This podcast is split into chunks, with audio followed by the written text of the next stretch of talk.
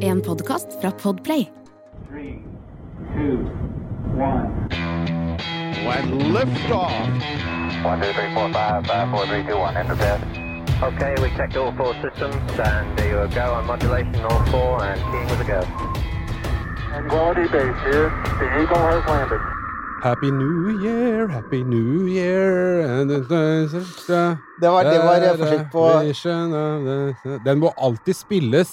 eh, føler jeg sånn rundt uh, midnatt, eh, så kommer ABBA Happy New Year. Ja. Eh, Klisjé. Jeg har en annen låt med et svensk band som heter Big Fish, som har en låt som heter Nyårshambo.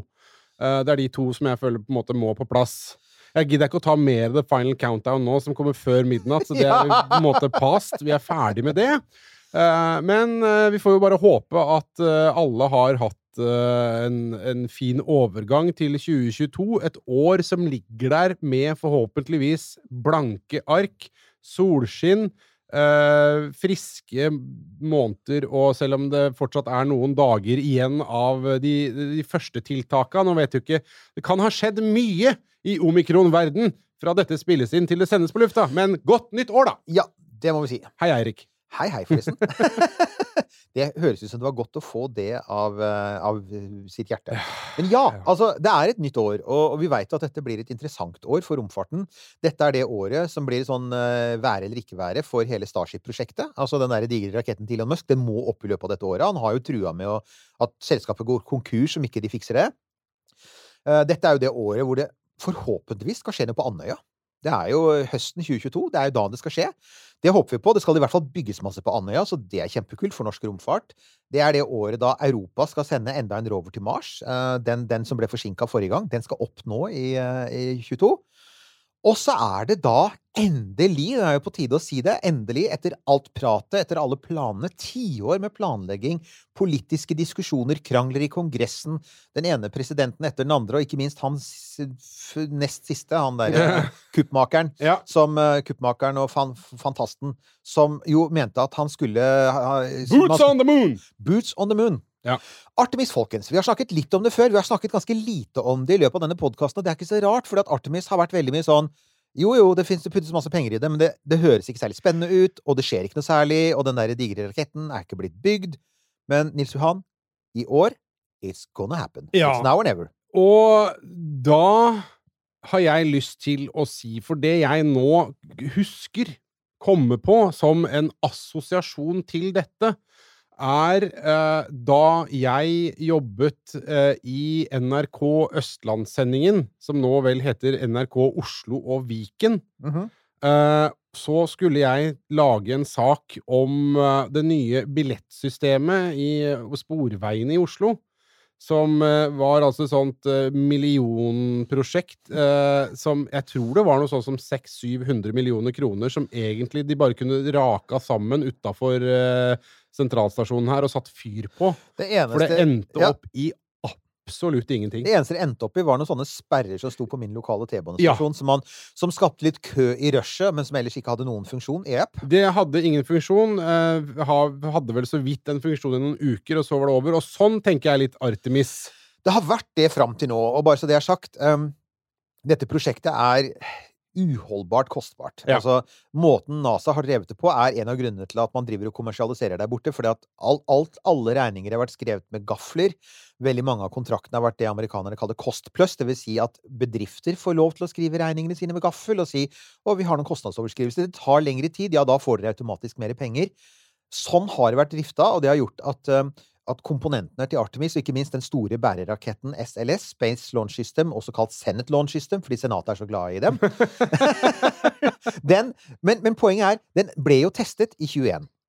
Det ble jo faktisk NASA hadde jo eh, i hvert fall én liveoverføring, og de hadde vel to liveoverføringer av testing av motorene. Eh, så nå er, er motorene testet, og den er i ferd med å monteres opp, og i løpet av dette året Fasttesting av motorene. Ja. Fyringstest. Ikke Fyringstest. noe launching av noe, Nei, men det er, launch. det er bare motoren Nei, er for skrudd dette er jo i motsetning, da, altså apropos gammel teknologi, denne skal bare brukes én gang. Dette Ja. er jo Men altså, ja. Um, uh, selve bæreraketten, den er klar, uh, eller er, er mer eller mindre klar. Og i løpet av dette året så skal altså Artemis 1, den aller første ferden i det nye måneprogrammet, skal skytes av gårde. Eh, og den er jo litt spesiell, fordi Det skal være fullt utstyr. Det skal være eh, hele SLS. Og på toppen denne Orion-kapselen, altså den nye romkapselen som skal ta folk til månen. Eh, Men det skal sendes ubemannet. Du sender ikke folk opp med første Nei, romskip. Det nei. gjorde de med romferja, og vi Ja. så åssen det gikk. Så, så ubemannet testflight til månen. Og, og så sier man ja, ja, det blir jo som Apollo 8. Ikke helt som Apollo 8. For det første skal de være borte mye lengre. Apollo 8 var bare noen dager. Eh, Artemis 1 skal være ute og fly i mellom fire og seks uker. Eh, De Oi, skal også ikke bare til månen, men de skal, når de er ved månen, så skal de ut, ut i en sånn veldig avlang bane.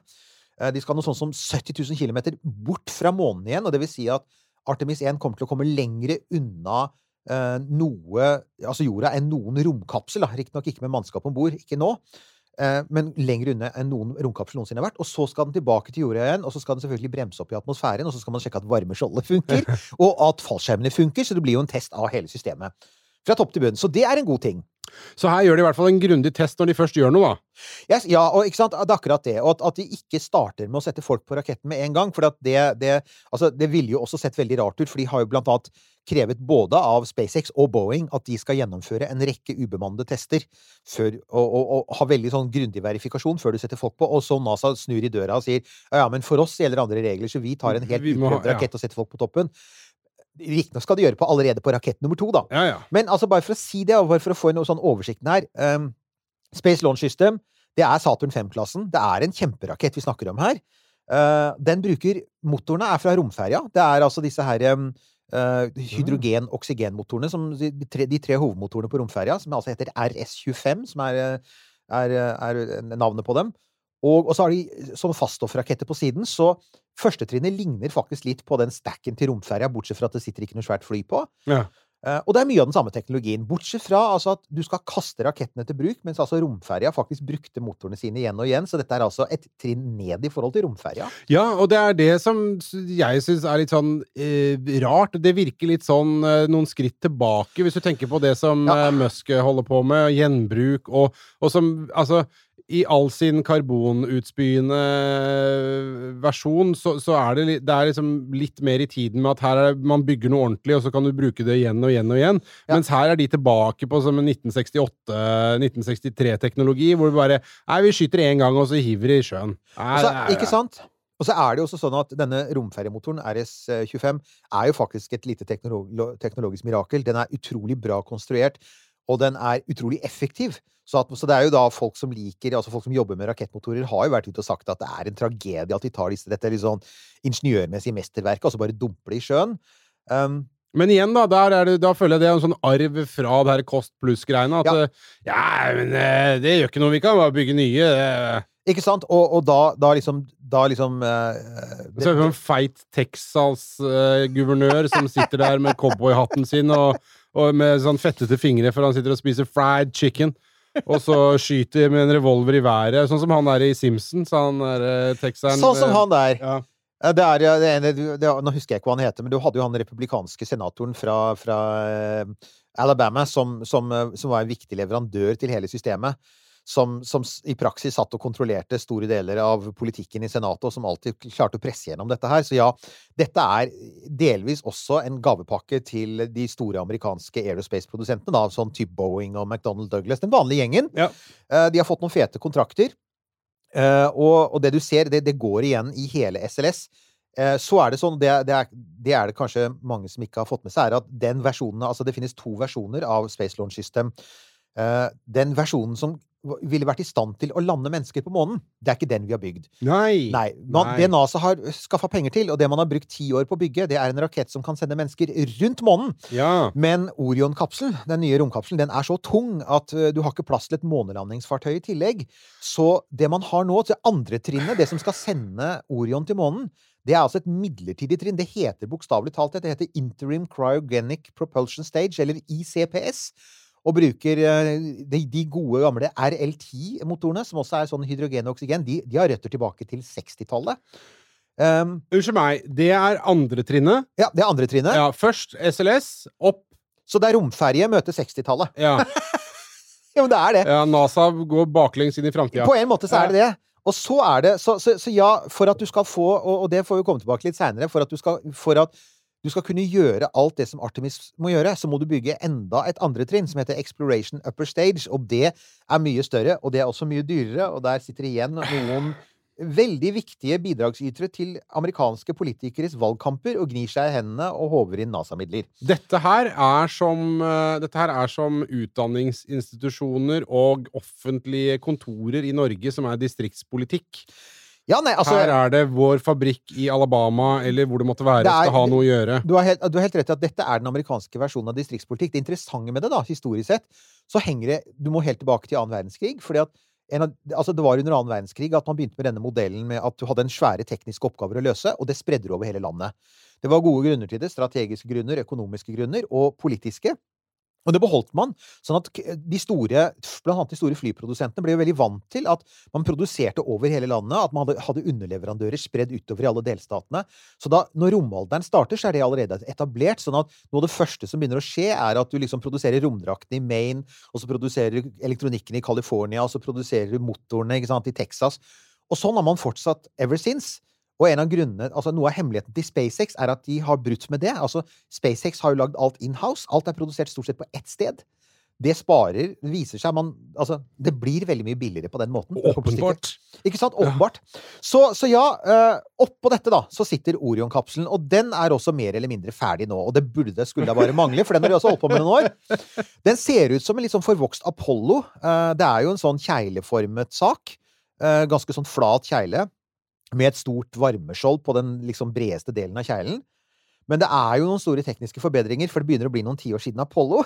Så for det første så har du plass til fire astronauter ikke tre. Det er ikke en 1202. Det er ikke, forhåpentligvis ikke. Eh, den, er, den er ikke veldig mye større enn Apollo. Altså, selve grunnflata er, er vel fem meter tvers over på bånn, den bredeste delen, mot fire på Apollo. Eh, den veier litt over 26 tonn. Og så er det sånn at selvfølgelig alt av elektronikk, alle sensorer, alle materialer inni er selvfølgelig moderne. Så du har ikke lenger disse herre SCE to AUX Ja, er disse- ikke det. det, er å, bryterpanelet! Nei, jeg er tilbake til Altså, det er glasscockpit. Ikke sant? Det er som Det er som i en uh, Er det noe SpaceX, touch, touchscreens touchscreen, der, i, som ja. Dragon? Det er som et Altså, det er Boeing som Det er Boeing som bygger interiøret der, og det vil si at det er som i de nyeste Boeing-flyene. Ja. Men de, er, de har én ting, da. Det skal jeg si. De har klart én ting siden Apollo. Ja. De har do. Hei! Yes! Ja. Så vi slipper den derre uh, Houston, there's a third flow floating by here. Ja. Den slipper man. Uh, man slipper plastikkposer teipet i rumpa. Man slipper små rør trukket over unevnelige deler. Uh, man kan faktisk gå på do. ja. Det er da noe. Og det har tatt eh, 50 år å få til, Så får vi selvfølgelig Ja. håpe Mm. at de har sørget for å sveise alle Ja. rørene. De har et, sånn. et helt rør der fullført. Men du, det er én ting til som jeg ikke hadde tenkt på engang før jeg leste det, og det er selvfølgelig Det har skjedd en ting til siden 60-tallet, og det Ja, er at du har fått solcellepaneler. Ja. De fantes jo på 60-tallet, det er jo ikke det. Du hadde satellitter som hadde litt solcellepaneler, og av, noen av instrumentene som Apollo satte på månen, hadde solcellepaneler. Men de var ganske ineffektive, og NASA gikk istedenfor. Så, så eh, Apollo hadde sånne brenselceller. Som jo egentlig er en sånn eh, Altså, du tar hydrogen og oksygen og kombinerer det, og så lager du strøm og vann. Det er en veldig fin ting, for at du får både strøm og vann, som er ting du trenger om bord i et romskip, så det er en bra ting. Men de har jo begre kjempefint, bortsett fra når det går gærent, som det gjorde i Apollo 13. Nemlig. Eh, eh, ikke sant? Og det er liksom litt sånn apropos sånn hydrogenbiler og sånne ting. Altså av og til eksploderer hydrogentanker. det er, og, og, så, men det begrenset jo også tiden Apollo kunne være borte. Så du hadde en Og det samme gjaldt jo faktisk romferja. Den hadde også bare brenselceller, ingen solceller. Så det betydde at både romferja og Apollo hadde en sånn eh, driftstid på sånn 14-16 dager, og så måtte du hjem igjen. Og her, selvfølgelig, her er det aller siste. Her er det solceller, og det er litiumbatterier. Hvilket vil si at uh, Artemis kan være ute lenge. Altså, den har svære solcellepaneler Altså Orion, unnskyld.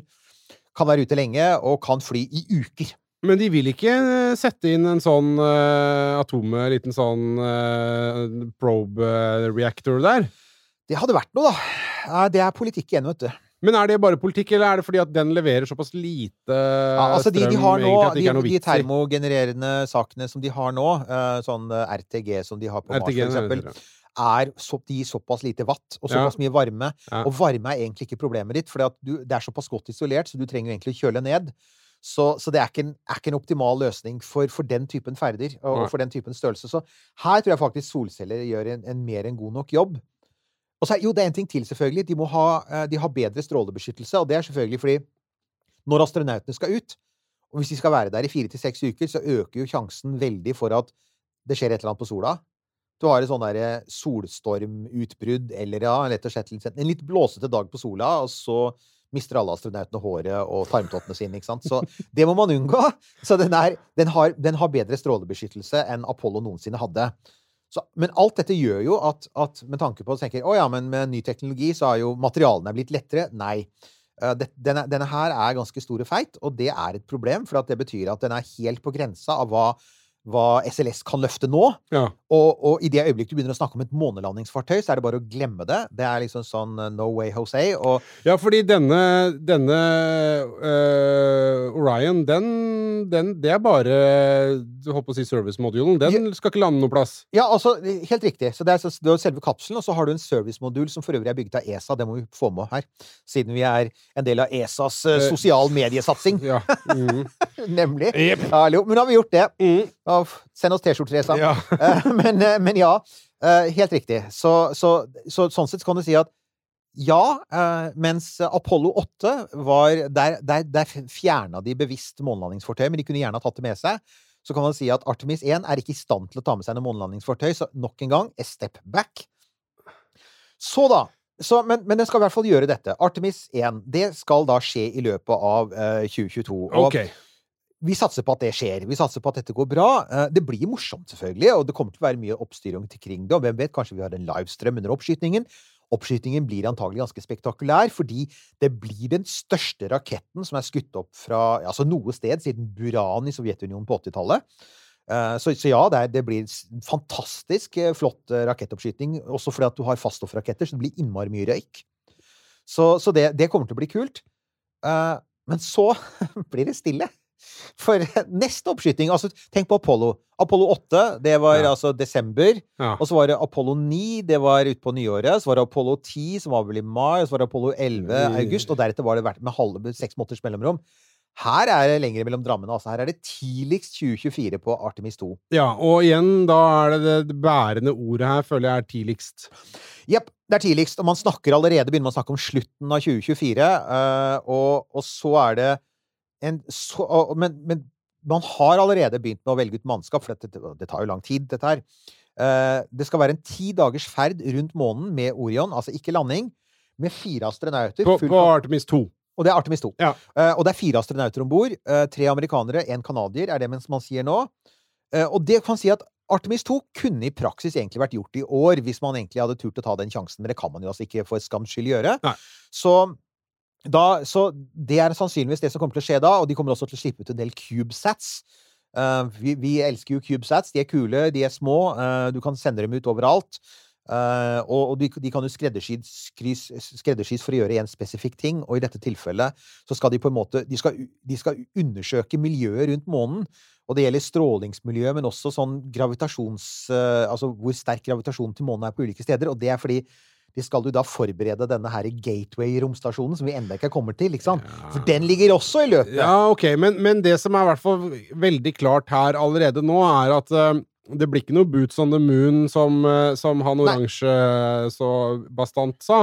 Det blir det ikke, og det er jo en annen grunn til det også. Det er selvfølgelig at det er mye som skal skje for at det skal, eh, for at det skal kunne Altså, man skal få til det. For eksempel så må man ha en romdrakt som kan brukes. Ja, det er så mange sånne rare Kjedelige hindringer detaljer, ja. Ja. men det er så mange sånne rare hindringer i veien, og som sånn Hvorfor skal det være et så voldsomt høyt hinder å hoppe over? Nei, altså, saken er ja, Jeg tenkte jo det samme. tenkte jeg, «Un- Unnskyld, man klarte jo dette fint med Apollo. Vel, det er helt sant, men Apollo var et superrisikabelt prosjekt, det veit vi. De tok masse sjanser. De tok også sjanser med romdraktene. De hadde jo aldri sendt romdrakter til månen før. Um, det de oppdaget, var jo at hvis du var på månen i litt lengre perioder, så var de romdraktene ikke veldig komfortable. Blant annet så fikk jo astronauter fikk gnagsår av dem. Dessuten så var dette Det månestøvet slet ja. det slet seg jo nesten gjennom disse her eh, altså disse her leddene på eh, på- altså albueleddene og håndleddene på, eh, på romdraktene. Så eh, Og selvfølgelig Og, og dette med å utvikle ny romdrakt er ikke en triviell sak, da, det viser det seg. For at det er veldig sånn Åpenbart ikke. Det er jo et eh, milliardprosjekt. det er, milliard, det er helt rett. Det er milliardprosjekt. Det er jo det er foreløpig hva det kostet 600 Ja, det blir en milliard dollar. Ja, fordi der er det vel også snakk om Det er jo ikke bare å på en måte lage en moderne kopi av Apollo-draktene. Det er jo også snakk om å lage drakter som har eh, altså bedre funksjonalitet, bedre bevegelighet, eh, Ja. videre og så. Så, det er mye som skal gjøres på nytt, eller gjøres for første gang, i disse nye Du ser jo hvor awkward det er når Apollo-astronautene går omkring på månen. ikke sant? Ja. Du ser hvis de forsøker å gå, når de forsøker å løpe, når de forsøker å hoppe. Når de bøyer seg, så må de nærmest falle fremover og ta seg for med hendene. Dette ønsker man jo å løse, eh, og det er ikke lett. Så du har helt rett. Det er, det er altså eh, Du har jo en, eh, du har jo en egen en eh, egen sånn romdrakt for romvandring på den internasjonale romstasjonen. eh, som heter eh, EMU, er det noe det heter? EMU. Og den, den er for gammel. Den er for vanskelig å ha på seg. Vi husker jo Mike Massimino snakket om det, hvor sterk du måtte være for å bøye armene i en romdrakt. ikke sant? Han måtte jo trene seg opp for å bruke den ute. ja, for de er jo trykk inni der, og så videre. Ikke sant? Det er som å stå inn i en ballong. Ja. Det vil man løse. Og det skal man da løse med sånne kule ledd i forskjellige steder. Eh, som sagt, de er trange og og stort sett utdaterte på materialer. Så, og så er det da det vanlige igjen, da. Det er syv, NASA sier stolt at det er 27 forskjellige bedrifter som bidrar til den nye. XEMU-drakten, som den heter. Den forrige drakten som var på månen, det var det tre bedrifter som bidro til. Så byråkratiet brer om seg. Så ja da, det er vanskelig med NASA. Dere har funnet noen innmari krekkete måter å gjøre det på. Ja, så, ja da, og det er jo utvilsomt, men eh, jeg skal komme dem litt i forsvar, da. For det, er jo, det er jo sikkert sånn at det er mer spesialiserte komponenter og, Ja. og, og produkter av eh, alle mulige ymse slag som skal inn i en moderne månedrakt, da. Det er ikke en gjeng med gamle damer som sitter og syr for hånd, som Nei. blir jo praksisfar på, på Apollo-draktene. Um, I hvert fall deler av draktene. Men eh, Eirik, før vi Nå har vi på en måte, føler jeg Vi har bare kommet til Artemis 2! Vi har hoppa over noe ledd der. Ja, det var akkurat det. For at det, før vi i det hele tatt kan begynne å tenke på å bruke drakter til å hoppe rundt på månen, så må man jo lande på månen med folk. Nemlig. Det er akkurat det. Og, og i det jeg sa det, så, så tok jeg meg sjøl i og sånn Herregud. Eh, Det var en rar ting å si, for det har vi jo gjort. Hvorfor skal Ja. det være så forbanna vanskelig? Men, men nå nå er det nå sånn det er. Eh, og da har vi på en måte kommet til eh, eh, nummer tre, som kan være første mulighet for eh, Det skal bli den første landingen. Ja. Og det må det nesten bli, for jeg tror alle er enige om at så sant Artemis 2 går som det skal, så finnes det ikke noe menneskelig argument for ikke å sende folk ned med nummer tre, for det er Nei. det alle går og venter på. Mennesker rundt månen er en fin symbolhandling og alt det der, men det kan du faktisk like gjerne gjøre med roboter. Det er å få folk ned på bakken. Eh, og, og saken der er selvfølgelig altså, Det er klart det er da man kommer til liksom, hvorfor det er så innmari mye mer komplisert den gangen. Mm. Det er jo fordi at man vil mye mer. Ja. Man vil jo at dette ikke bare skal være flags and footprints, som man sier. Man vil uh, legge grunnlaget for Uh, altså at folk skal være der lenge, du skal ha månebaser, du skal utforske månen skikkelig, være der i måneder av gangen etter hvert. Du skal utnytte ressurser på månen, sånn som is. Du skal også ha private på månen, så du vil jo faktisk gjøre månen til business. Men ingenting av dette vil fungere hvis ikke du da fra starten Altså, du må starte riktig, da. Så du kan ikke hvis du Og det var jo en ting som mange har påpekt når det gjaldt Apollo. Apollo var fra starten av designet sånn at de aldri kunne gjøre det, fordi månelandingsfartøyet var altfor lite. Det har vi jo vært inne på før, at månelandingsfartøyet var for lite. Eh, det var bygd for å slå russerne. Mm. Eh, og Apollo slik det var, kunne egentlig ikke ha gjort så veldig mye mer, fordi at ingenting var skalert opp til å liksom kunne håndtere skikkelig virksomhet på månen. Nå vil NASA ikke gå i den fella igjen, så de vil fra starten av kunne si OK, vi er tilbake, og vi er tilbake for å bli. For så vidt en fair tanke. Vakker tanke, Ja. men så var det å gjøre det i praksis, da. Ja, men og det, her, synes, her er det en ting som jeg ikke helt forstår, fordi eh, SLS, eh, Artemis, eh, Orion, Ja. bla, bla, bla. Og så, eh, så står det også da i notatene som du har skrevet, avhenger av SpaceX. For Ja! vi vet jo at SpaceX fikk en kontrakt som Bezos ble så innmari forbanna og, og advokatsint eh, Mhm. på, om å bygge da eh, månelandingsfartøy. Ja, Og så, hvordan henger dette sammen med hele SLS og Orion og Ja, Artemis-pakka. Ikke sant? Og der kommer du til enda en forskjell på Apollo og dette. I, Apollo så ble hele pakka designet som en enhet, ikke sant? Ja. Så der jobbet NASA hadde full kontroll på alt. De hadde private kontraktører, men de hadde hånd på alt. Så fra no, de, Noen av de første diskusjonene om Apollo var jo faktisk månelandingsfartøyet. Mm. Her er jo den diskusjonen har de jo ikke engang tatt. For de har, de har jo satt dette ut til private. NASA har noen løse planer om hvordan man skal komme seg ned på månen. De har noen ønsker om hva de skal få levert, og hvor fort det skal skje. Men så har de egentlig outsourca det. Så vi er i den litt spesielle situasjonen at NASA har bygd raketten som skal ta folk til månen. Har bygd romkapselen som skal fly folk til månen. Målet er å lande på månen, men de har altså faktisk ikke, de er ikke i gang med å bygge det som skal lande dem på månen. Nei. Og det er ikke så veldig mange år til, og vi veit at ting tar tid i romfart. Så da er jo også liksom eh, Artemis 3 eh, er jo per nå ikke noe mer enn en ny ferd i bane rundt månen.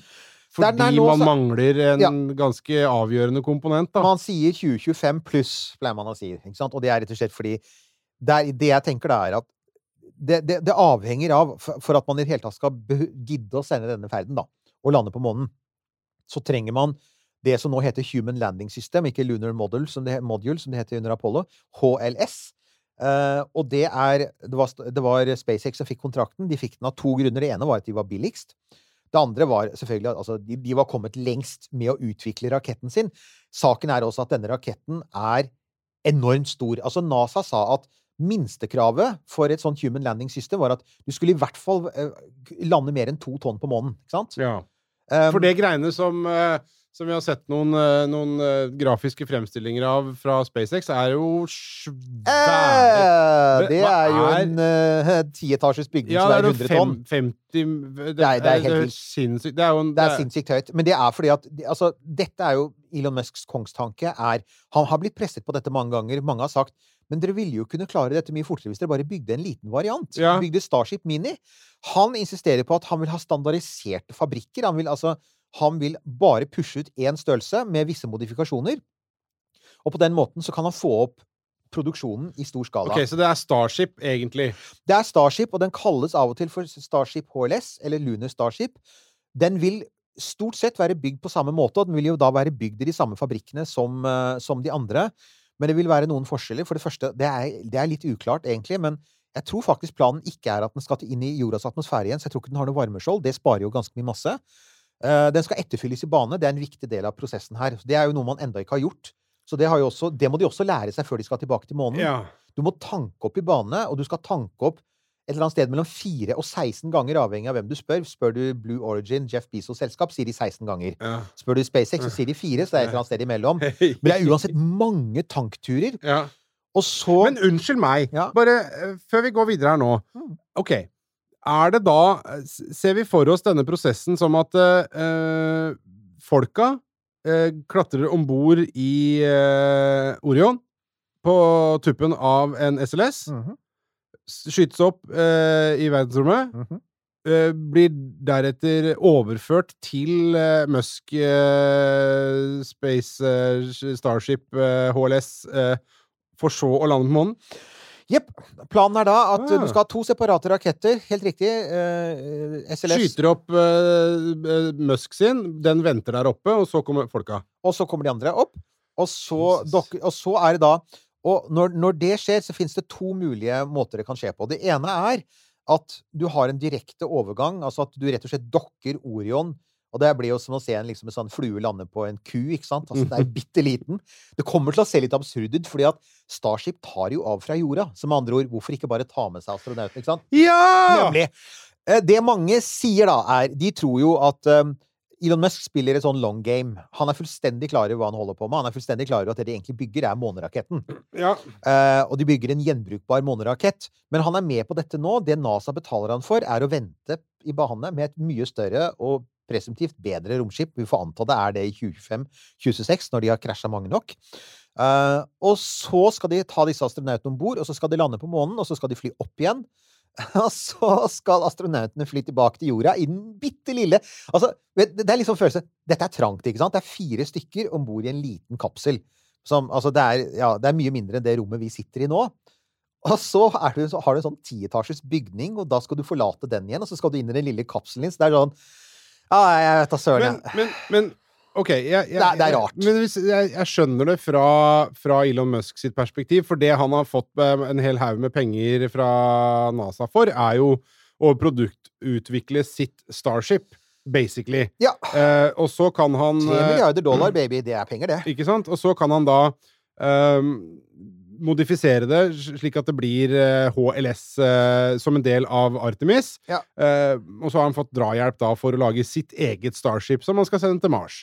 Men Ja. det jeg da stusser på, som eh, ikke eh, og det er vel kanskje ikke noe særlig fornuft å finne, er jo hva er rollen til SLS og Orion oppi det hele? Nei, du, Eh, du det, Det blir bare et politisk spill, det da, For det har, det har liksom gått for langt til at man kan uh, pull the plug eh, på det greiene, når egentlig så kunne uh, Starship-greia til Musk gjort hele jobben. Jepp, helt sant. 1202. Jeg, det jeg tror er at akkurat nå så spiller, er, spiller SLS den viktige politiske rollen med å være en backup-løsning. Ja. Fordi at man ønsker ikke å satse alt på Elon Musks selskap, og det kan jeg faktisk forstå. fordi at Elon Musk sier selv at det er en stor sannsynlighet for at Starship ikke fungerer som det skal. Vel, da er jo NASA screwed, ikke sant? ja, for da må Så- jo de lage en egen eh, lunar lander, Da da. må, da må de plutselig løpe ut til sånn type eh, Jeff Bezos, som jo har en plan. Ja. Eh, og det er en mye mer konvensjonell månelander. Han kan sikkert bygge den, det er ikke det. Det er jo ikke, det er jo ikke altså man, altså Et moderne teknologiselskap kan selvfølgelig gjenskape det man gjorde på 60-tallet. Det er ikke det. Men uh, han, altså, den regninga er jo veldig mye høyere, og det er jo ingen grunn til å tro at den prisen blir noe lavere dersom de må løpe bort og si 'redd oss'. Mm. Nei, altså det som blir tydeligere og tydeligere, er vel at For det finnes en annen måte å komme seg til månen på i 2025, 26, 27, eller hva det nå blir. Og det er ikke at Orion og Starship møtes i bane rundt månen, men at Starship flyr opp til Gateway romstasjonen, som vi så vidt har begynt å snakke om. ja. Dokker med den, og så dokker Orion med Gateway romstasjonen, og så møtes de der. ja. For det er, det, det er liksom den siste lille komponenten her som gjør dette til en sandwich med litt mye kuavføring.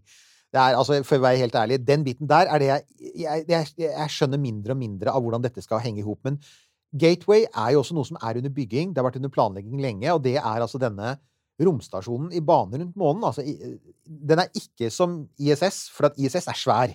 Gateway blir liten. Jeg ser for meg en, en sånn eh, En sånn eh, litt sånn eh, grå, kald militær utpost av noe slag, som Ja. har bare det mest er som en- nødvendige. Ja, det er som en bitte liten brakke, og i den skal i den skal NASA, NASAs astronauter fly opp i noe som er trangere enn en Mini Morris, og så skal de dokke en kjempesvær buss med den!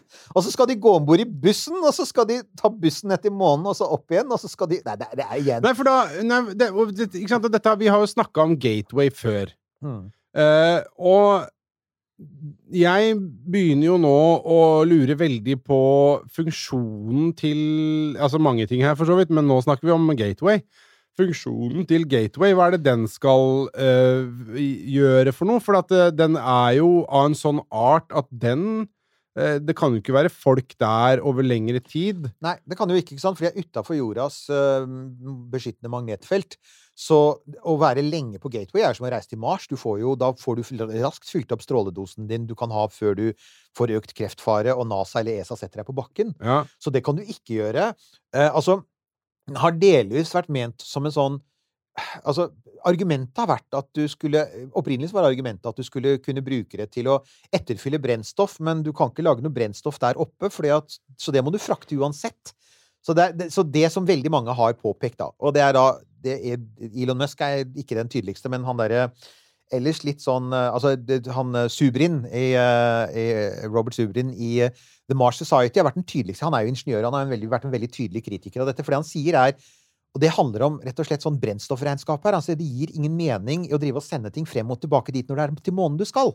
Altså, du kaster bort brennstoff på fly ut til Gateway, og så lande på månen, når Gateway, som du sier, ikke er noe langvarig oppholdssted, for det er farlig å være der. Den er veldig liten og trang. Eh, Det er ikke noen ting der som du ikke like gjerne kan frakte fra jorda.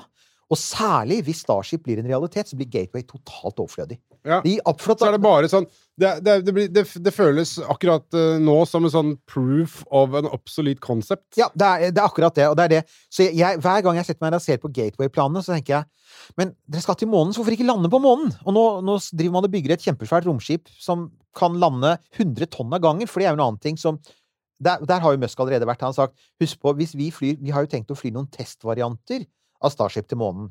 Og det kan godt tenkes at vi tenker at vi bare plasserer dem på månen, og da har dere en ferdig base. Og Ja. sånn, Unnskyld, men NASA hører hva han sier? Den der digre For man har snakket om å lande baser på, som veier sånn 10-20 tonn på månen, da. Det er jo langt, langt inn i fremtiden, bortsett fra at om tre-fire år så står det en base på 100 tonn på månen. En, en sånn åtteetasjers bygning står der jo. Eh, Det, det, det snakker jo han om å gjøre nå. Og samtidig så skal du ha den lille, trange hybelen som skal gå der oppe og koste titalls milliarder og, og være ubeboelig det meste av tiden. Nei, det, vet du hva? Jeg, jeg, jeg, jeg syns Altså, det som er så trist, da det Skal brukes som skatteparadis. Ja, altså, og, og på det mange Altså, skatteparadis Kan du begynne eller, å snakke altså, offshore?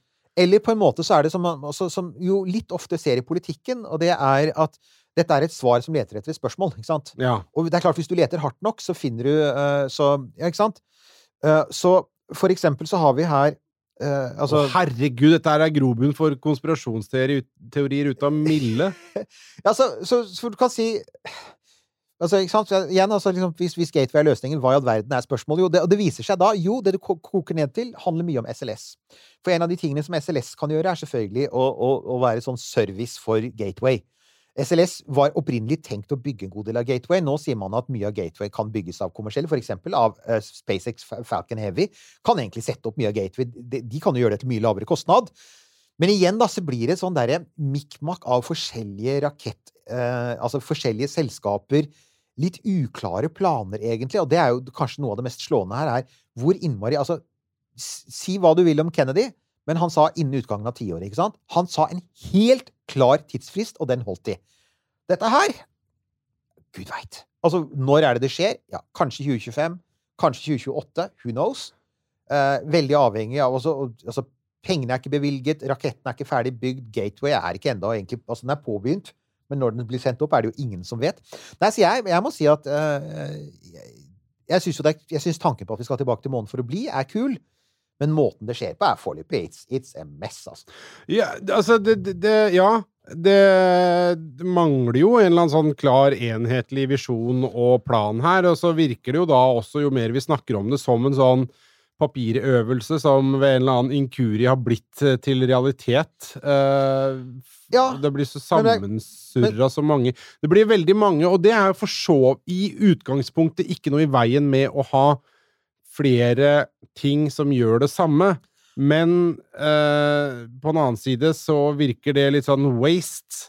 Ja, og en av de tingene altså, altså er det klart, skal ikke altså, Igjen, romforskning er fint, og jeg skal ikke bli for negativ her og sånn, men det er veldig synd, da, at, at man bruker såpass mye ressurser på et, på et prosjekt, for det snak, vi snakker om mange milliarder dollar hvert eneste år, på et prosjekt som fremdeles virker så uferdig, hvor det er så mye usikkerhet, og hvor, hvor liksom det du virkelig mangler, er en sånn langsiktig, det man kaller sånn strategisk visjon, da. Hva vil du med månen? Hvorfor vil du, hvorfor vil du være på månen, og hvor vil du være på månen? Altså, hva er poenget med å være i bane, ikke sant? Hvis du kan være på bakken. Det er på bakken du vil, ja, men så få det på bakken. Det er boots on the ground. Eh, noe av dilemmaet her er selvfølgelig at eh, Artemis Boots er on the ground var det, ikke Boots on the moon. Boots on the ground. Ah, Det er litt sånn der, Ja. eh, nesten litt militært. Ja. Men uansett, da, så er jo noe av greia at eh, Artemis er jo også et internasjonalt prosjekt. Det er jo en Artemis Accord, altså en sånn internasjonal avtale som mange har undertegnet. ESA er tungt involvert, JAXA er involvert, CSA, Canadas er involvert. Og det gjør jo at det er allerede så mye bindinger i det, så for eksempel Gateway-delene bygges jo, og Mm. Norge er jo med på dette her. Og det at det er så innmari mye penger involvert, og at de har lagd denne internasjonale alliansen, det gjør jo selvfølgelig også at det er faktisk ganske vanskelig å få et kritisk blikk på dette her. Og, og du vil jo veldig ofte høre fra rombransjen selv. De vil stort sett bare prate dette opp. Selv om det igjen virker veldig rar, altså selv om det virker veldig uklart hvor man vil med dette her, så er det det er så store kontrakter, og det er allerede så mye penger inn i dette her, at du eksempel i USA er jo ganske vanskelig å finne folk innafor systemet som kritiserer det, mens det finnes et ganske stort miljø av uavhengige analytikere og journalister som sier 'hva i alle dager er det som skjer'? Og som river seg i håret over SLS og Gateway-konseptet. Ja da, og, og altså det er eh, Det er jo fullt forståelig, og det er jo fair også at eh, Og det bør det jo, at man bør kritisere det og liksom stille spørsmålstegn ved hva faen er det som har skjedd her. Og det som, det som er helt åpenbart eh, når man ser det fra utsida, er jo at det er et stort, tungt hjul som har blitt satt i gang til å snurre, og så er, det helt stokk umulig det, å stoppe det. Og det finnes det jo utallige eksempler på opp gjennom Ja, ja. historien, ikke bare innenfor romfart, inn, inn, innenfor alt, innenfor all form for samfunnsbygning, så har jo det der skjedd eh, igjen og igjen og igjen. Det er prestisjeprosjekter, enorme prosjekter som er satt i gang, kontrakter er underskrevet, avtaler er gjort, bla, bla, bla, bla, bla. Mm. Og så har du starta et prosjekt som eh, Som eh, på en måte eh, fordi det har tatt så lang tid, så har det blitt spist opp av historien. Og det er jo egentlig, hvis vi koker det ned, så er det jo det som har skjedd her. Fordi, altså, da prosjektet starta, da det ble starta opp, da de på en måte begynte å tenke i baner av eh, SLS, skulle bygge den, Mm. så eh, var jo eh, SpaceX på en måte bare en liten blipp, så man ikke aner ikke hva, hva Ikke kommer sant. ut av han derre gærne fyren som ja. ja, han har fått dette med elbilene, plutselig skal han drive og bygge romraketter og dra Mm. til Mars, han er jo ko-ko. Eh, så har jo eh, SpaceX bare kommet og bare Ja, men vi har en greie på gang her som, som fjerner alle de andre tinga som dere har satt i gang, og det hjulet er så stort og tungt at det er umulig å, å, å stoppe det nå. Så Mm. de får bare holde på et sånt parallelløp. Det er der vi er nå, du har helt rett. Og, men der, der ligger for så vidt også veldig mye av håpet, da. Er jo faktisk at, som du sier, SpaceX er der. Pluss at det fins jo en kommersiell Altså, det er noe som heter CLPS, eller Commercial Lunar Payload Services. Det er, som også faktisk SpaceX er en del av, men mange andre selskaper. Og vi har snakket litt om det før, blant annet så var det vel Nokia som fikk i oppdrag å bygge ut mobiltelefoner på månen, ikke sant? Men altså, det er sånne ting. Eh, altså disse her uh, Cube-botene vi snakket om, som skal lete etter is på månen, for eksempel. Dette er ikke, dette er ikke uviktig, for det er jo et alternativt miljø til NASA. Det er kreative folk, det er høyteknologi. Ut av det tror jeg det kan komme veldig mye spennende.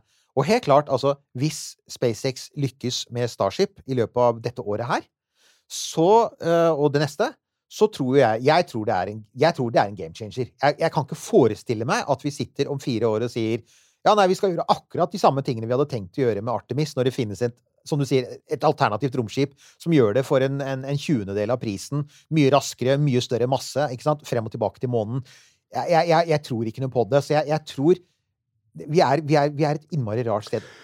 Altså, i, i beste fall, tenker jeg, så bør jo noen eh, som bestemmer eh, størrelsen på pengesekken til NASA, noen der bør jo eh, reise seg opp og si at keiseren er naken her. Mm. Fordi om ikke annet altså, Men herregud, ingenting overrasker meg lenger. Så, for det, jeg vil jo påstå at det er jo en total mangel på respekt for den amerikanske skattebetalernes penger. Det er det. De bare driver og pøser de ut Ja. i milliardklassen på milliarder på milliarder til eh, greier som man strengt tatt ikke trenger å lage fordi det er noen andre som allerede har det, til en, en, som du sier, en tjuendedel av prisen. Ja, det er, det er merkelig. Det, det, det fins én annen potensiell game changer her, selvfølgelig, og det er hva kineserne har tenkt å gjøre. Vi veit at de skal til månen. Det har de sagt. Vi veit at de har begynt å bygge sin versjon av SLS, men de påstår at den skal bli mer eh, gjenbrukbar. Um, vi veit også at For det er enda et, det er jo et land her vi ikke har nevnt her, og det er Russland. Russland har lenge snakket om at de vil tilbake til månen. Russland har ikke penger til det, og de har vel egentlig ikke teknologisk kapasitet. Men russisk og kinesisk teknologi sammen kan bli interessant. Eh, For der, altså Russerne har fremdeles mye spisskompetanse der. Så de har inngått sin egen uh, måneavtale, de.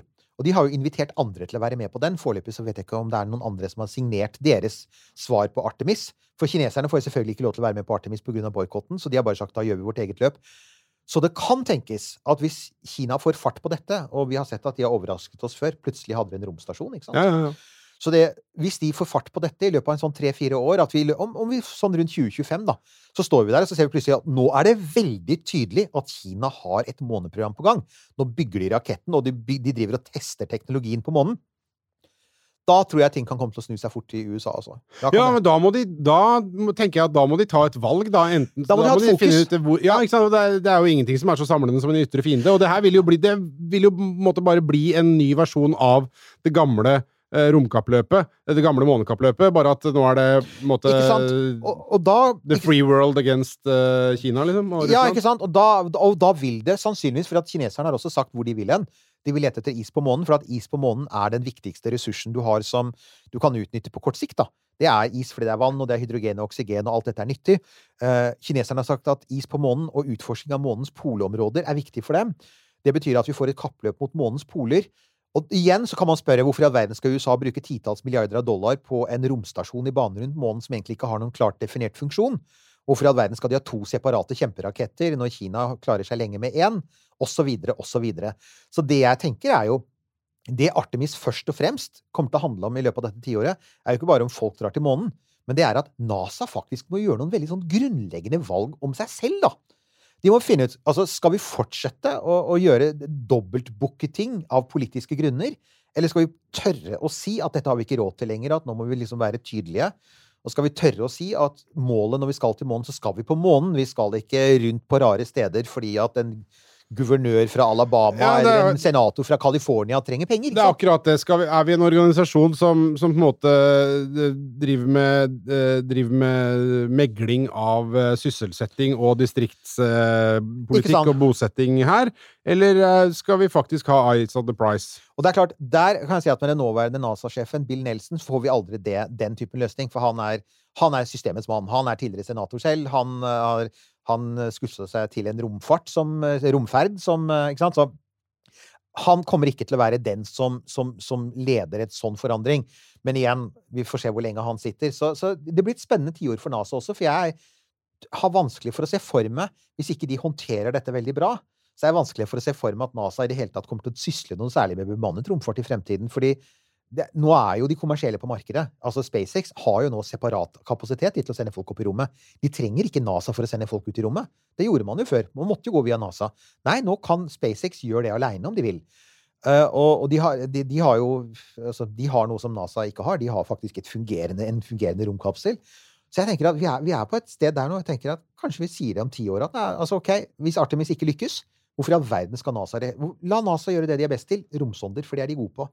Romsonder og rover og det der, det er de jo kjempegode på. Men det der med folk Jeg syns vi ser igjen. Ja. De er ikke spesielt gode på det. Uff, der sa jeg det. Og på den rudden På den Så- ruden!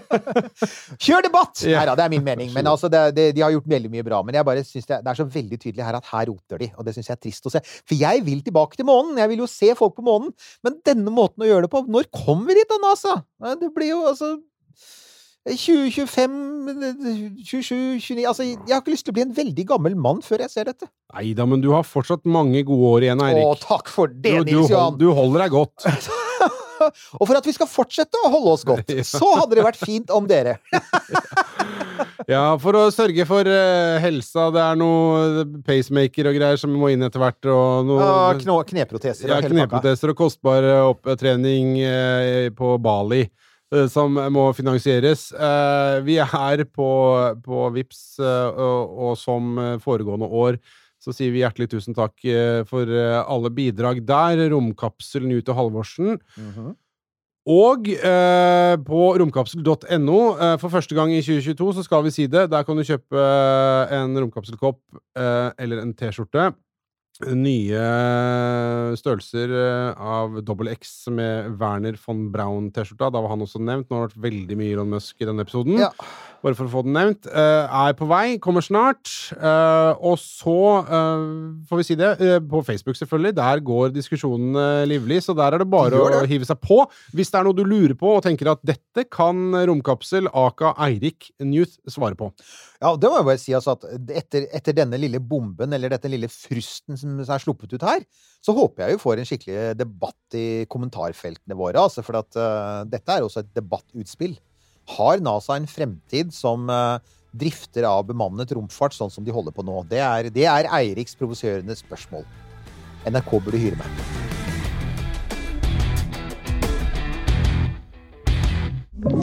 Du har hørt en podcast fra Podplay. En enklere måte å høre podcast på. Last ned appen Podplay, eller se podplay.no.